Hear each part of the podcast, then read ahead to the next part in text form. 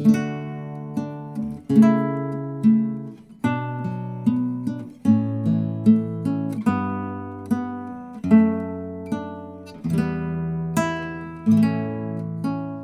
دايما العقل لوحده هو القادر على الاحتفاظ بالذكريات. أحيان كتير حواسنا الخمسة بتخزن جزء كبير من خبراتنا في الحياة. حاجات شفتها أصوات سمعتها أو أشياء لمستها ممكن تستدعي في لحظة مواقف وبشر وأزمنة. كل حلقة هتكون رحلة عبر حواس أحد الأشخاص. نفتح فيها خزنة ذكرياته من خلال اللي هتستدعيه حواسه الخمسة. أنتم بتسمعوا بودكاست ذاكرة الحواس وحكون معاكم في الرحلة منى الشايب. مخرجة وكاتبة ومنتجة أفلام. عشقت السينما والحكايات من صغرها وحلمت إنها تكتب وتنسج حكاياتها على شاشة السينما ولما كبرت حققت الحلم. بتعمل أفلام عن اللي بيلمسوا قلبها ولما تتفرج على الفيلم تحس إن أبطالها بيلمسوا قلبك أنت شخصياً زي بطلات فيلمها الأخير من القاهرة اللي أخدت عليه جايزة من مهرجان القاهرة السينمائي الدولي. رحلتنا النهاردة مع ذكريات حواس المخرجة السينمائية هالة جلال.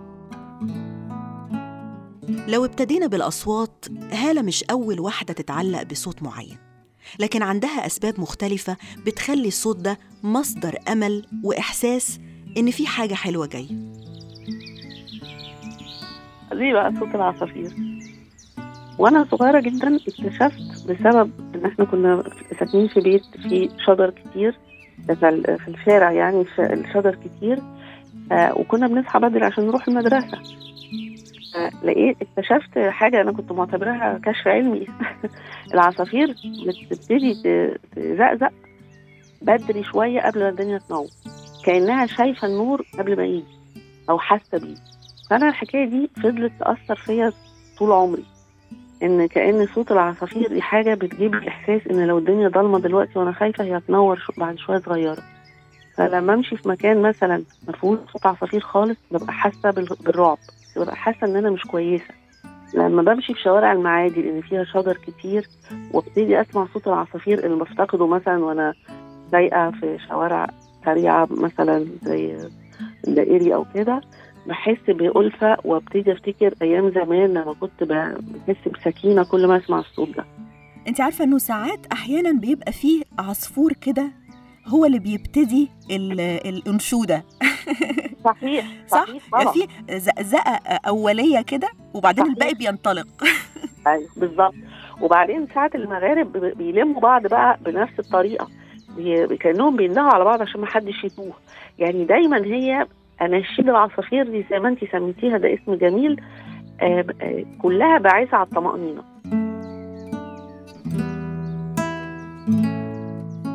البحر من أكتر الأماكن الموجودة في الذاكرة البصرية عند ناس كتير. لكن كل واحد عنده مشهد معين في حياته البحر فيه هو البطل وتفاصيل المشهد هي اللحظات الحلوة المرتبطة بيه. أكتر مشهد في الدنيا وإحنا راكبين أتوبيس في اسكندرية والطريق كان بيبقى طويل. كنا مسافرين مثلا نبقى مسافرين أنا وأهلي و... وخالاتي وبناتهم وولادهم وأصحابنا. ونفضل مستنيين مستنيين لغاية ما لحظة الأتوبيس بيطلع فيها منحنى الشارع كده فنشوف البحر من بين العمارات. بحب البحر لما يزوم وأعشق صرخته في الريح وأحس في موجه شوق مكتوم. لناس حرة وحياة بصحيح.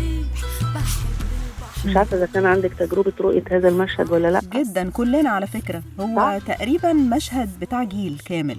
مش كده؟ آه. أيوة. كلنا بنبتدي نشوف البحر من وسط البنايات لأنه ما كانش على أيامنا فيه قرى سياحية. أنت كنت. بتروحي البحر في المدينة. طبعا. المعمورة. بالظبط. و... وسيدي بشر حتى قبل ما تبقى زحمة قوي كده. و... والمنتزه. يعني إحنا كنا بنصيف في المنطقة دي وإحنا صغيرين قبل ما يبقى فيه بقى بدايات الساحل. وثم الساحل اللي بنعرفه النهارده. فبيفضل بقى مشهد البحر برضو بيفكرني بيه فرحة الوصول. إحنا وصلنا يا جماعة. إحنا أخيرا هننبسط. الصورة كمان جزء أساسي من شغل هالة كمخرجة سينما. بس ساعات بيبقى المخرج شايف مشاهد وصور في حياته من قبل حتى ما يعرف إنه هيبقى مخرج. بيعمل أفلام في عقله قبل ما يعملها في الواقع. وده بالظبط اللي حصل مع هالة. في لقطات في أفلام وفي مشاهد في الحياة وفي صور فوتوغرافية ولوحات تشكيلية وأحيانا حاجات أبسط من كده. كنت أنا صغيرة لما ماما تجيب البورده أقعد أنا وإخواتي نبص على الصور اللي فيها اللي هي المفروض إنها موديل واقفة لابسة فستان. فنقعد نتخيل الست دي حياة كاملة. امم كأنك بتعملي فيلم. آه إحنا طو- طول الوقت وإحنا بنلعب وإحنا صغيرين كان كده نألف حدوتة ونمثل فيها.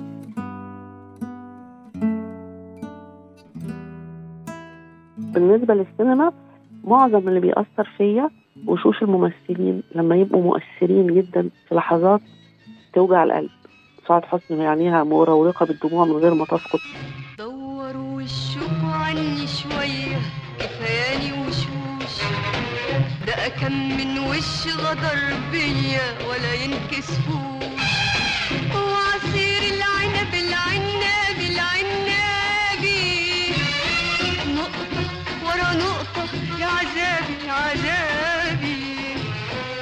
محمود المليجي وهو بيبص كده آه، حاسس بفجيعة. في طريقة في- عيون الممثلين آه، بتأثر في قلبي وطبعا كانوا بيتصوروا مدراء التصوير والمخرجين بيعملوا مجهود عشان اللقطة دي وش بني آدم في معاناة أو في فرح مؤثرة جدا. مين مننا ما عندوش طعم مرتبط بيه بيفكروا بست الحبايب وجمال اللمة والصحبة. خصوصا لما تبقى ريحة الحاجة دي فيها كمان حلاوة. مربة اللارنج لأن ماما كانت مدمنة عمايلها وإحنا صغيرين. فاللارنج ده طعم يعني خاص جدا مش كل الناس بتستحمله لأنه حلو sweet and sour حلو وحادق يعني مش حادق بس هو طعم خاص جدا.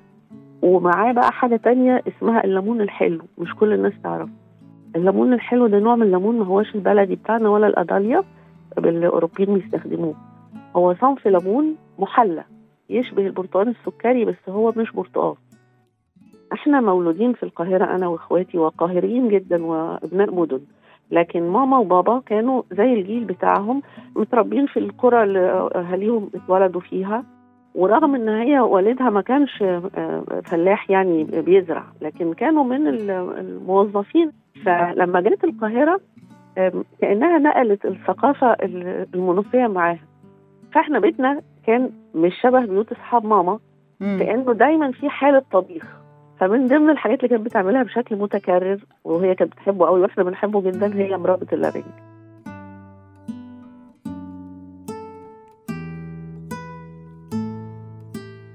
أحيان كتير بنفتكر إننا نسينا أماكن عشنا فيها من سنين لكن بنتفاجئ إن المكان موجود جوانا بتفاصيله أول ما بنلمس حاجة كانت في يوم من الأيام جزء من المكان ده.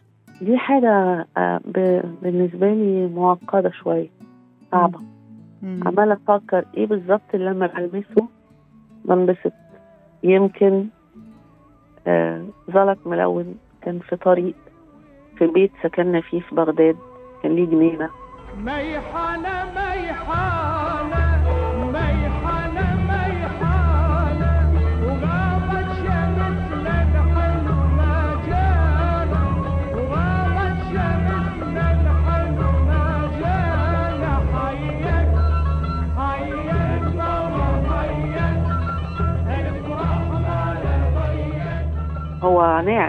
وشكله بالنسبة لي حلو قوي ولأنه ملون وجميل ببقى عايزة آه، أمشي حافية عشان ألمسه وأنا صغيرة قوي كمان سبع سنين أو حاجة. أنا كنت بحب البيت ده قوي وكان بيت جميل فيه جناين ورا وقدام وكنا بنصطاد فيه ضفادع وكان فيه عصافير طبعا. وبغداد كانت مدينة جميلة و- وبابايا كان بيشتغل هناك سنتين فإحنا قضينا هناك أيام جميلة خالص خالص. أنا لغاية دلوقتي وأنا كبيرة كده لو كنت في مكان على شط أو بتاع ولقيت سلط أروح أقلع الحاجة اللي أنا لابساها في رجلي وأحط رجلي عليه عشان أستعيد الشعور ده اللطيف ده بتاع زمان.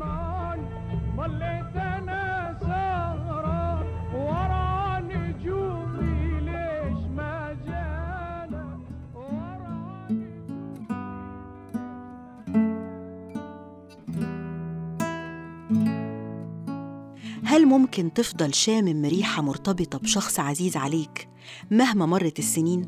حتى لو الريحة دي والشخص ده ما بقوش موجودين في الواقع؟ ممكن جدا طبعا. أنا طبعا كنت هقول لك إن أنا افتكرت بسبب الحوار بتاعنا ريحة الياسمين اللي كان على باب البيت بتاع العراق ده.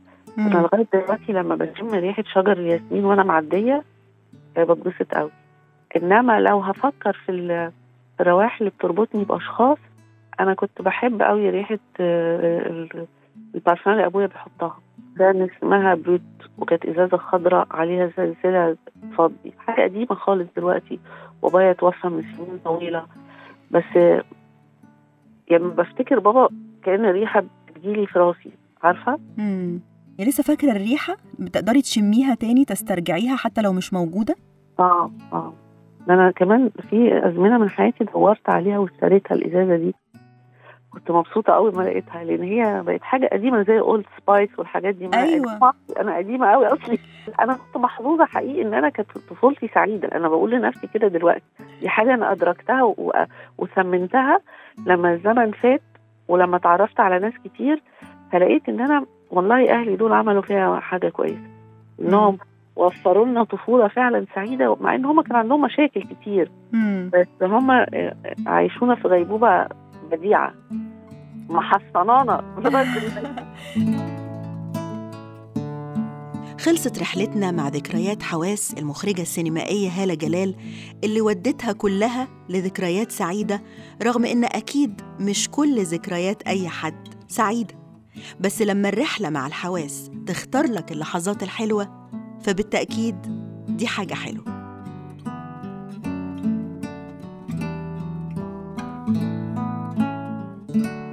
لو بتسمعني وتحب تعمل رحلة مشابهة في ذكريات حواسك هكون سعيدة نعملها سوا.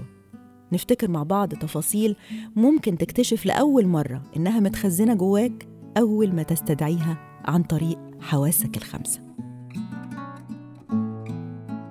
كانت معاكم في الرحلة منى الشايب وانتوا بتسمعوا بودكاست ذاكرة الحواس.